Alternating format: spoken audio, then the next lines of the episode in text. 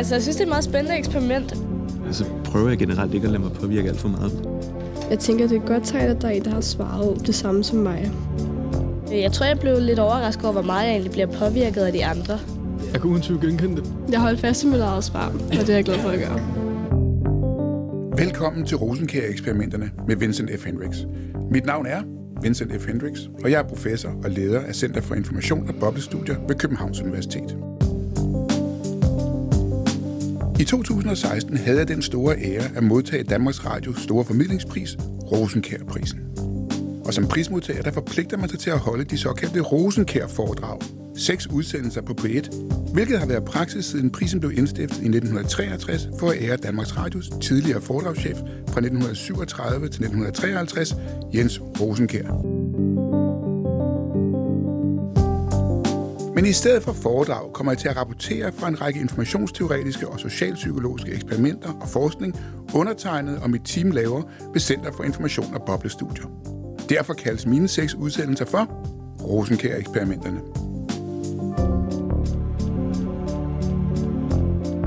Det her er Rosenkær-eksperimenterne på P1, hvor professor Vincent F. Hendricks undersøger, hvordan vi reagerer på social påvirkning. Dagens eksperiment hedder Hvor meget tror du på andre? Dagens gæst er Jette Kofod. Hmm. Hvad skal jeg mene om det seneste opslag på Facebook? Og alle, jeg taler med, siger, at den nye krimi af Jussi er god, så måske skal jeg også sætte mig ned for at læse den. Og hvad skal jeg mene om det seneste forslag fra de radikale i udlægningsspørgsmålet? Se, hvis jeg nu ikke har rigtig nogen god idé om, hvorvidt jeg skal gå til højre eller til venstre ud af gaten fra flyet, kan jeg så stole på, at dem, der går foran mig, har fundet den rigtige vej. For i så fald, så kan jeg bare følge efter dem. Eller, hvis jeg nu er i tvivl om, hvad jeg skal mene om det seneste opslag på Facebook, så kan jeg jo henholde mig til, hvad andre mener og synes godt om, og så hoppe med på vognen måske. Og hvis de radikale har høstet mange likes for deres seneste forslag i udlændingsspørgsmålet, så kan jeg også give et mit like, for mange likes synes at være det rigtige at gøre, selv hvis jeg egentlig selv oprindeligt var i tvivl om, hvad jeg skulle mene. Nu vel. Dette andet program hedder Hvor meget tror du på andre? Hvor meget stoler vi på vores egen information, og hvor meget stoler vi på den information, vi får fra vores medmennesker? Og påvirker denne gruppeinformation vores beslutninger? Jeg står foran en krykke med en rød bold og to blå bolde. Eller står jeg foran den med to røde bolde og en blå, når jeg netop selv har trukket en rød, og har, eller måske ikke har, information om, hvad andre har trukket før mig. Eller, hvis jeg nu står for at skulle skrive en nyhedshistorie, hvilke kilder stoler jeg så på, hvis de siger noget forskelligt? Det som jeg selv tror, eller hopper jeg med på vognen, hvis mange eller tungvejende kilder siger noget andet? Med andre ord, hvor meget påvirker andres beslutninger mine egne beslutninger? Når andres forudgående beslutninger kan være afgørende for, hvad jeg selv beslutter, så taler man om kaskadeeffekter, mere populært også kaldet for lemmingeeffekter. Og lemmingeeffekter er en social dynamik, der gør sig gældende i meget forskellige artede adfærd, fra at finde ud af lufthavnterminaler i den ene ende, til hvordan man skal stille sig til at mobbe en bestemt person, eller lade være med at hoppe med på vognen og følge andres beslutning om at tænke grimt om andre.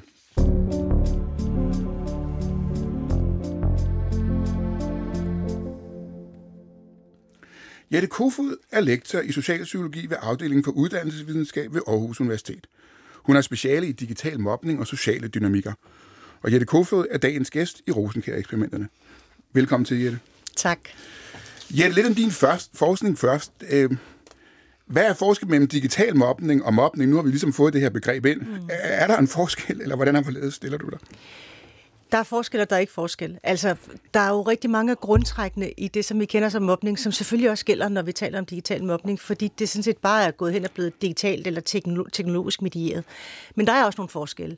Og de tre forskelle, vi plejer at pege ud, det handler om, det er muligt at være anonym, det er umuligt at slippe væk fra. Altså de historier, vi har fra børn og unge, er jo, at selvom at de slukker mobiltelefonen, så ligger beskeden der, når de øh, åbner telefonen igen. Så det er svært at komme væk fra det, det er ikke bare hen i skolegården.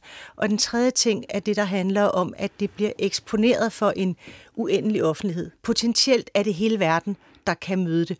Og så kan vi som voksne sige, ah, det behøver det måske ikke at være, men, men hele verden kan også være hele 7. B, plus parallelklasserne, plus dem på den anden skole.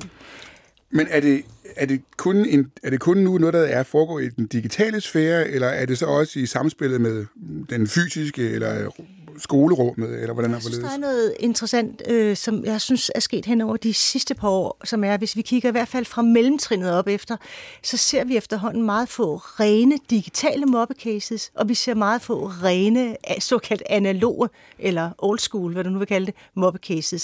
Så det vil sige, der er der er ganske ofte, i hvert fald når vi snakker, ja, altså de der øh, teenager, 12, 12-årige op efter, så er der ganske ofte et digitalt spor i mobbecases. Og når vi taler om det digitale spor, er der så også et spor af, at der er nogen, der kunne finde på at mobbe, fordi antageligvis flertallet har besluttet sig for at mobbe nogen? Altså, det mangler vi jo sådan set at undersøge, så det skulle vi tage at kigge på. Ha! Således en god overgang til, at vi inviterede anden næst fra Rysensten Gymnasium til at gennemføre de her kaskadeeksperimenter ved Center for Information og Boblestudier ved Københavns Universitet. Her følger en lille reportage.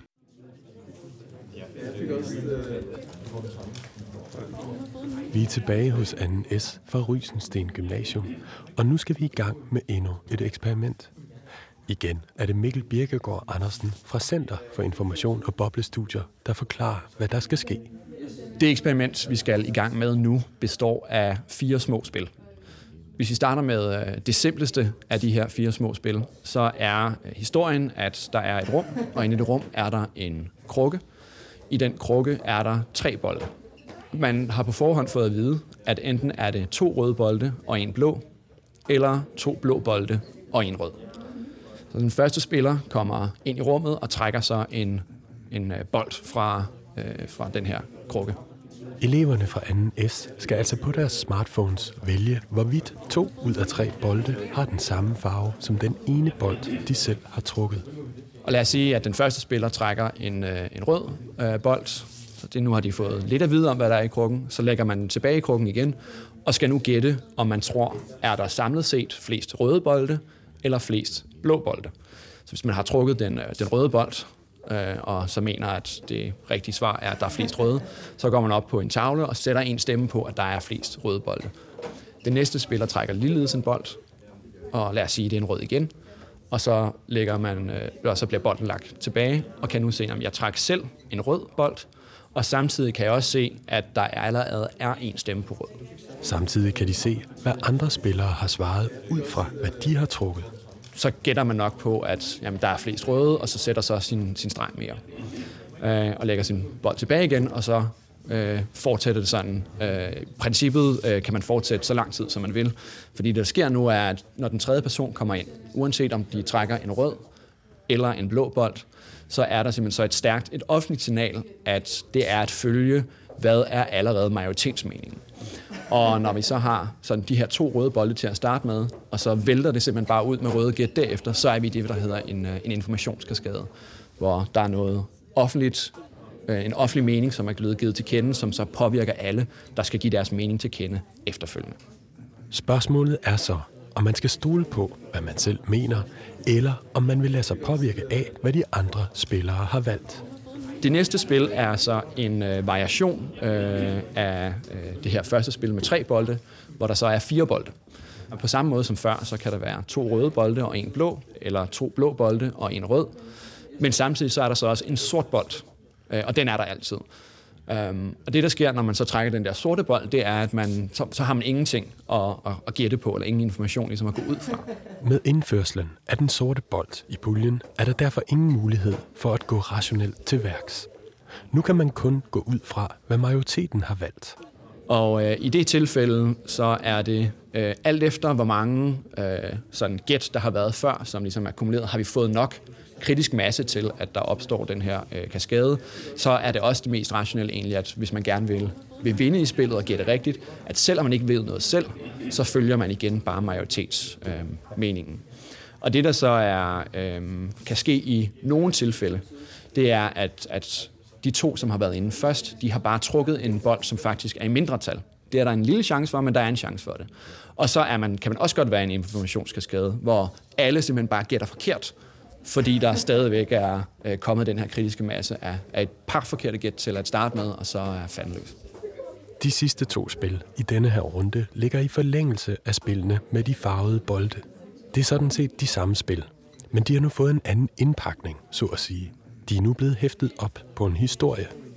I det, der svarer til spillet med tre øh, bolde, så er indpakningen i stedet for, at nu er man en læge på et hospital, og øh, man går så ind, og så laver man en undersøgelse af en patient, som er i, øh, som er i kraftige smerter, og derfor er det svært at finde ud af lige præcis, sidder smerten i, øh, sidder smerten i brystkassen, eller sidder smerten i venstre arm.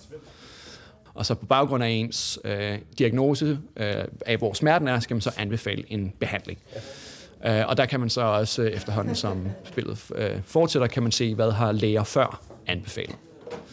Øh, og så det sidste spil øh, er det samme som det med fire bolde, altså det, hvor der, man kan få noget information, som faktisk er et, ingen information, øh, og så på den baggrund skal tage stilling til, om er en ubåd, der er blevet set i svenske farvande, er det en øh, ubåd fra en NATO-øvelse, eller er det en russisk ubåd? Og så skal man så vælge at skrive ligesom en, en journalistisk historie om det. Og der kan man så igen se, hvad har andre valgt at skrive tidligere. Har de skrevet, at den er russisk? Har de skrevet, at den er fra NATO? Eller har de skrevet, at der er en ubåd, men vi ved ikke, hvor den er fra?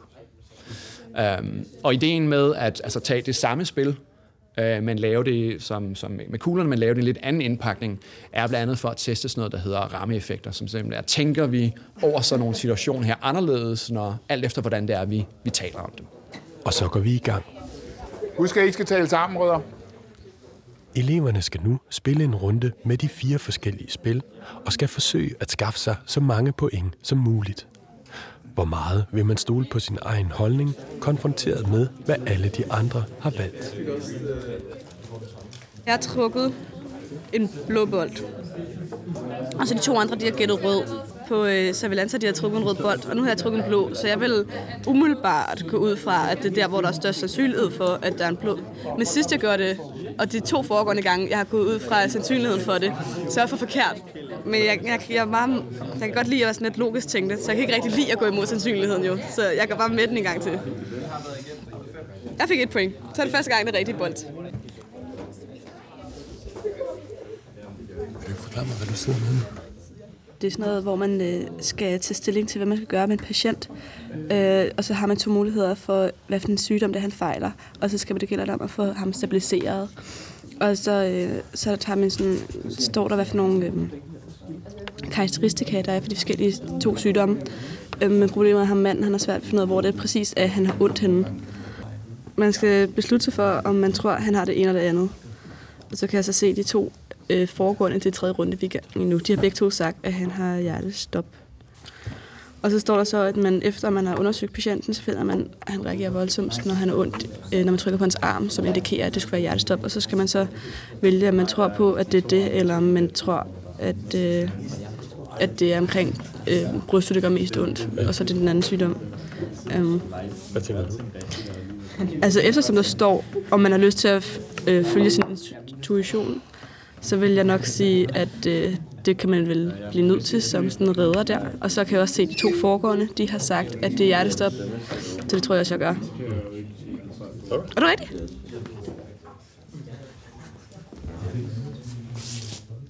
Vi havde fået at vide, at vi var en, jeg var en svensk journalist, og så var der blevet set en ubåd ude i øh, fjorden. Og så ud fra ligesom vores baggrundsviden omkring situationen, så ved vi, det er cirka lige sandsynligt. Men øhm, så får vi et svar fra øhm, Udenrigsministeriet omkring, hvem de regner med. Men ulempen er jo så, at det er to tredjedele, der er chance for, at de har rigtigt, og en tredjedel for, at de tager fejl. Så vi ved jo faktisk ikke. Og det der også så sker, det er, at de andre personer, de andre journalister, de ser jo så min artikel, og så skal de så ud fra min artikel så også bruge den til at bedømme, jamen hvad tror de? Så så får de både at vide, hvad jeg har tænkt, ud fra det, jeg har fået at vide, og det, hvad de har tænkt, ud fra hvad de har fået at vide.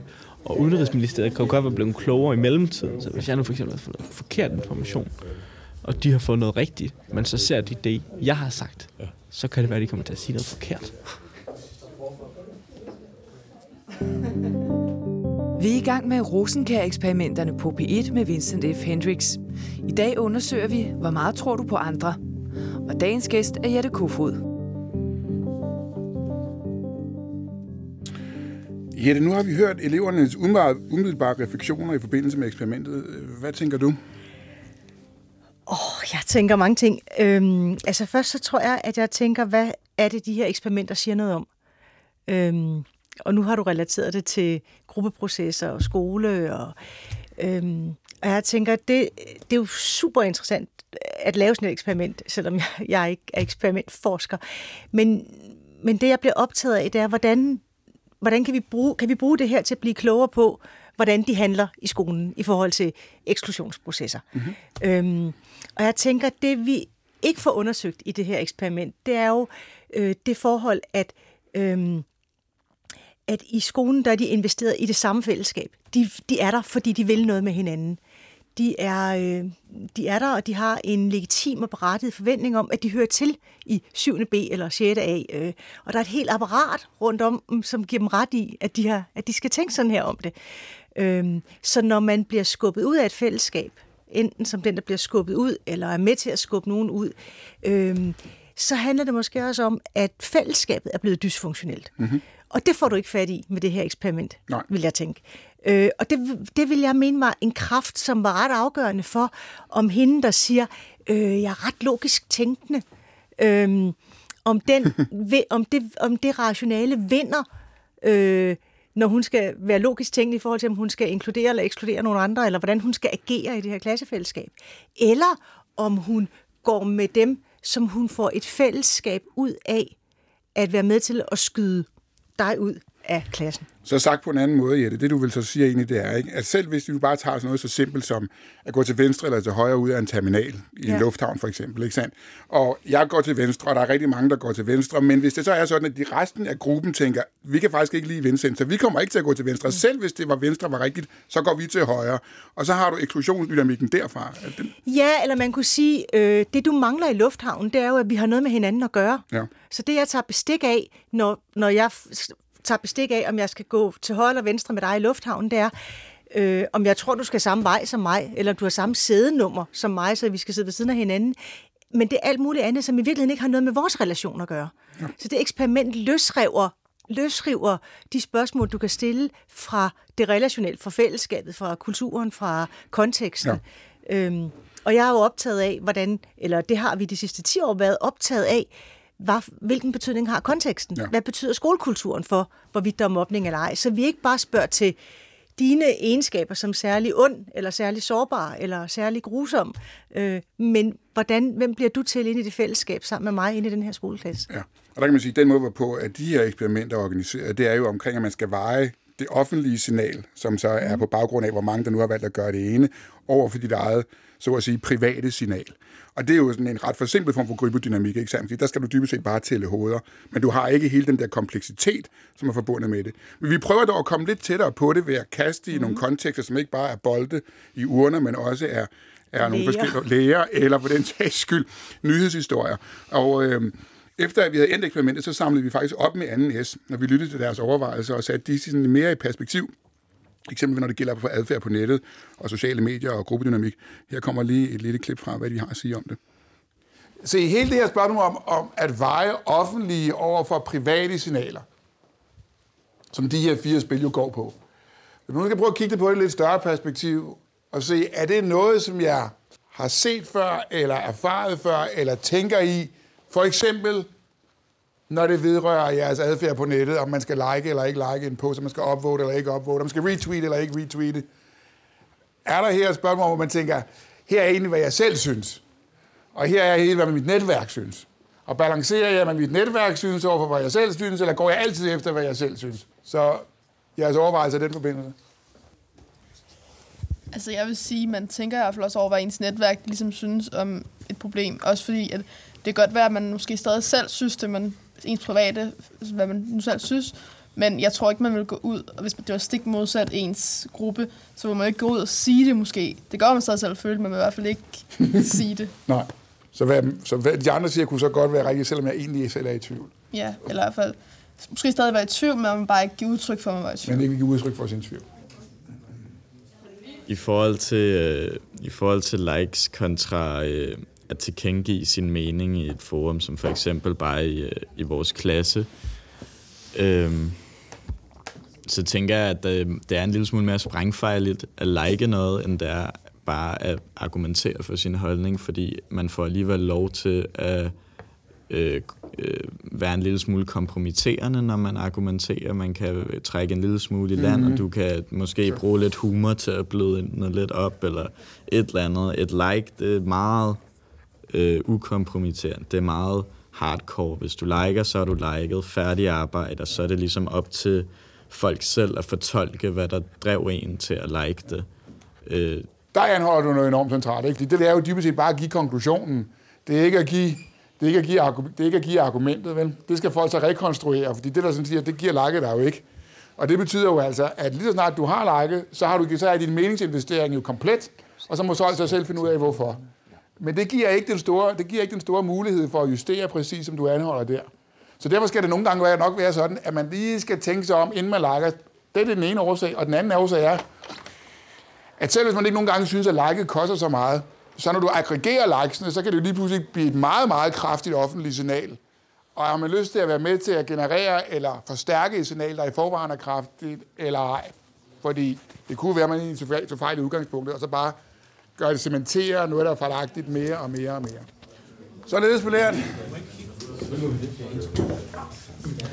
Og skal jeg lige spørge jer hurtigt, hvad tænker I om det her eksperiment, I lige har været med til? Man møder jo ofte det der med, at man, man kan have sin egen mening, men det er sådan nemt at blive påvirket af andres meninger, også sådan, hvis man læser noget, hvis man læser en nyhed, og man læser kommentarfeltet til den her nyhed, og så ser man, der er en hel masse, der mener noget andet, eller mener det samme, så er det jo nemt at blive påvirket af det, de andre mener, selv hvis man startede med at mene noget andet. Ja. Så man bliver jo meget påvirket af, hvad andre mener om nogle bestemte emner. Jeg deler i det hele taget ikke særlig meget på Facebook. Hvorfor nok. det Fordi at jeg er sådan tænkt, så sidder jeg virkelig og overanalyserer, sådan, hvordan vil folk tage imod det her, og sådan, er det for meget, at jeg deler det her, og sådan, vil jeg virkelig have, at folk skal se, at jeg deler det her. Så jeg deler næsten kun politik, og det er meget sjældent, at jeg gør det. Jeg deler næsten aldrig noget på Facebook. Øhm, fordi der er også, når andre folk deler ting på Facebook, og jeg ser dem på mine øh, newsfeed, så tænker jeg ret meget over det, at øh, det, som de deler, det bidrager også til den holdning, som jeg danner om den person, om ja, hvad jeg synes om personen, og så begynder jeg at tænke på, hvad andre folk måske vil få ud af, eller tænke på, når de ser, at jeg har delt øh, det her link, eller den her historie.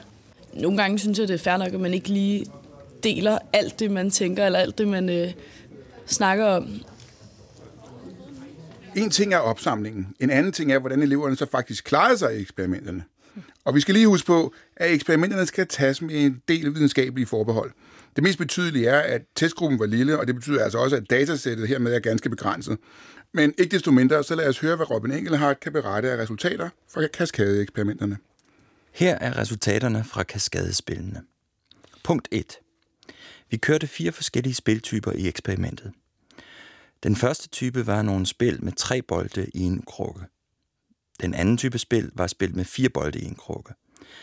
I den tredje spiltype skulle eleverne forestille sig at være en læge, som skulle lave en usikker diagnose på en patient. Og i den fjerde skulle eleverne forestille sig at være journalister med en opgave om at skrive en artikel på baggrunden af nogle usikre kilder.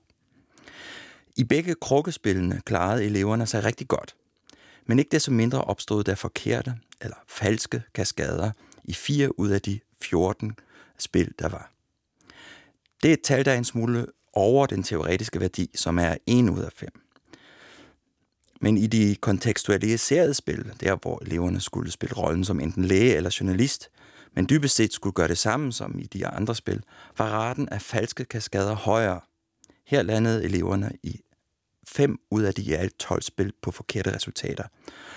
Så hvis det var foregået i virkeligheden, havde vi nok haft en del fake news, og der havde nok været et par patienter, som var afgået ved døden. Punkt 2. Blandt læge- og journalistspillene var der også en del, som aldrig opnåede konsensus, altså som aldrig fik opbygget en stabil kaskade, hvor man bare kopierede de forrige spillers skæt. Tværtimod blev eleverne ved med at være uenige med hinanden, og især i journalistspillet var succesraten meget lav. Punkt 3. Hele 76 procent af alle gæt i alle spil blev taget på basis af elevernes egne private informationer. Som regel gik det godt, fordi der jo trods alt var to tredjedel sandsynlighed for, at de ramte rigtigt. Men øh, den lille overrepræsentation af ego som der var, var nok en natur, et naturligt resultat af de mange falske eller ufærdige kaskader, som eleverne landede i. Alt i alt kan man sige, at selvom lægespillet havde den samme struktur som krukkespillet med de tre bolde, og selvom journalistspillet havde den samme struktur som krukkespillet med de fire bolde, var der en stor forskel på, hvordan eleverne spillede dem. Jo mere framing og kontekst der var, desto mere støj opstod der også, og det betød så også mindre optimale udfald. Jette, nu har vi fået resultaterne fra eksperimenterne her. Hvad siger du til dem?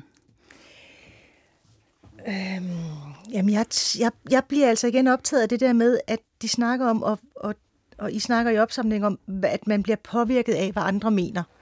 Øhm, og det er jo det, er det, jeg tænker som det fællesskab, børnene er i, når nu de ikke skal tage stilling til ubåde eller øh, læger, øh, men til hinanden i fællesskabet, der hvor de er i skolen. Øhm, og så tænker jeg, at, at, øh, at det, de tager bestik af, det er, du har selvfølgelig ret i, at hele den der diskussion, vi har haft i nogle år af like-hunting og sådan noget, der, der er nogle ting, der falder ud. Ikke? Den ene ting, der falder ud, det er fraværet af likes. Ja. Altså for dem, der bliver skudt ud via det, vi nogle gange kalder for tavsmobning. Ikke? Dem, der slet ikke engang er med i cirkulation, de bliver ikke tagget, der er ikke noget. Øhm, det, er den, det er den ene del. Øhm, og den anden del øh, er selvfølgelig, altså som også falder ud, det er, det er den kraft, som er at ville høre sammen med hinanden. Så når, når jeg bliver optaget, eller når de bliver optaget af, hvad mener de andre, så bliver det et spørgsmål om smag, om holdninger, om affektivitet, som er beyond det, som øh, hende den første siger, jeg vil, gerne, jeg vil gerne have lov til at arbejde logisk. Ja. Øh, og måske er, det, måske er det, der er interessant i det her, det er jeres sorte bold. ja. øh, fordi det er den, sådan som jeg forstår eksperimentet, så det er den, I introducerer, det er det element, I lægger ind, som er det, der skal repræsentere det, vi ikke ved.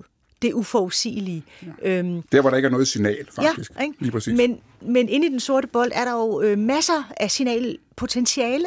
Altså, så den potentialitet er, tænker jeg, er jo, er jo det, de også agerer i forhold til, når, når vi står, når de er i skolen, og når vi står i sociale fællesskaber, og skal noget med hinanden, og skal have det her til at virke. Og når, når fællesskabet så er blevet dysfunktionelt, øh, så er der masser af eksklusions, eksklusionspotentialitet inde i den sorte bold, hvis man nu skulle blive inde i jeres eksperimentlogik, ikke?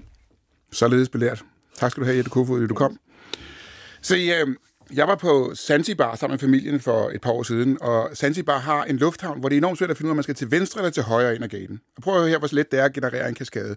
Forestil dig, at jeg kommer ud som den første i lufthavnen, men jeg ved ikke, om jeg skal gå til venstre eller til højre, når jeg skal ud af gaten. Så hvad gør jeg? Jo, jeg flipper en mønt og siger, venstre, jeg går til venstre. Se, den anden, der kommer ud, har heller ikke været der før, har ikke nogen stærke mening om at gå til venstre eller til højre. Til gengæld har de et signal om, at jeg er gået til venstre. Så mindre de har meget gode grunde til at gå til højre, så går de også til venstre. Så er der to til venstre signaler, og ikke noget til højre signaler, og den tredje kommer ud. Hvad gør den tredje? Tja, hvis de heller ikke har nogen stærke mening om at gå til højre, så er der to signaler til venstre, og hvorfor skulle de så være forkert? Så jeg går også til venstre, så er der tre til venstre. Den fjerde, der kommer ud, så er der lige pludselig meget, meget langt op til at få et signal til højre, som er lige så stærkt som det til venstre, og så kører kaskaden derudad. Så for den betragtning er det ikke så svært at komme i en fejlagtig kaskade, ud fra betragtningen om, at jeg startede jo bare med at flippe en mønt.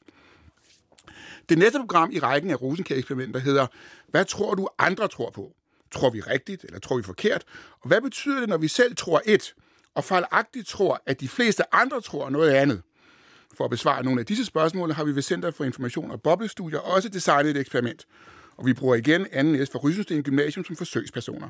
Gæsten i næste program er professor emeritus Flemming Balvi fra Københavns Universitet. Og Balvi er ekspert i såkaldte flertalsmisforståelser, også med et fint ord kaldet for pluralistisk ignorance. Lyt med til tredje ombæring af Rosenkær-eksperimenterne med Vincent F. Hendricks. Tak til Jette Kofod, tak til Rysensten Gymnasium, tak til Robin Engelhardt og Mikkel Birkgaard Andersen fra Center for Information og Boblestudier.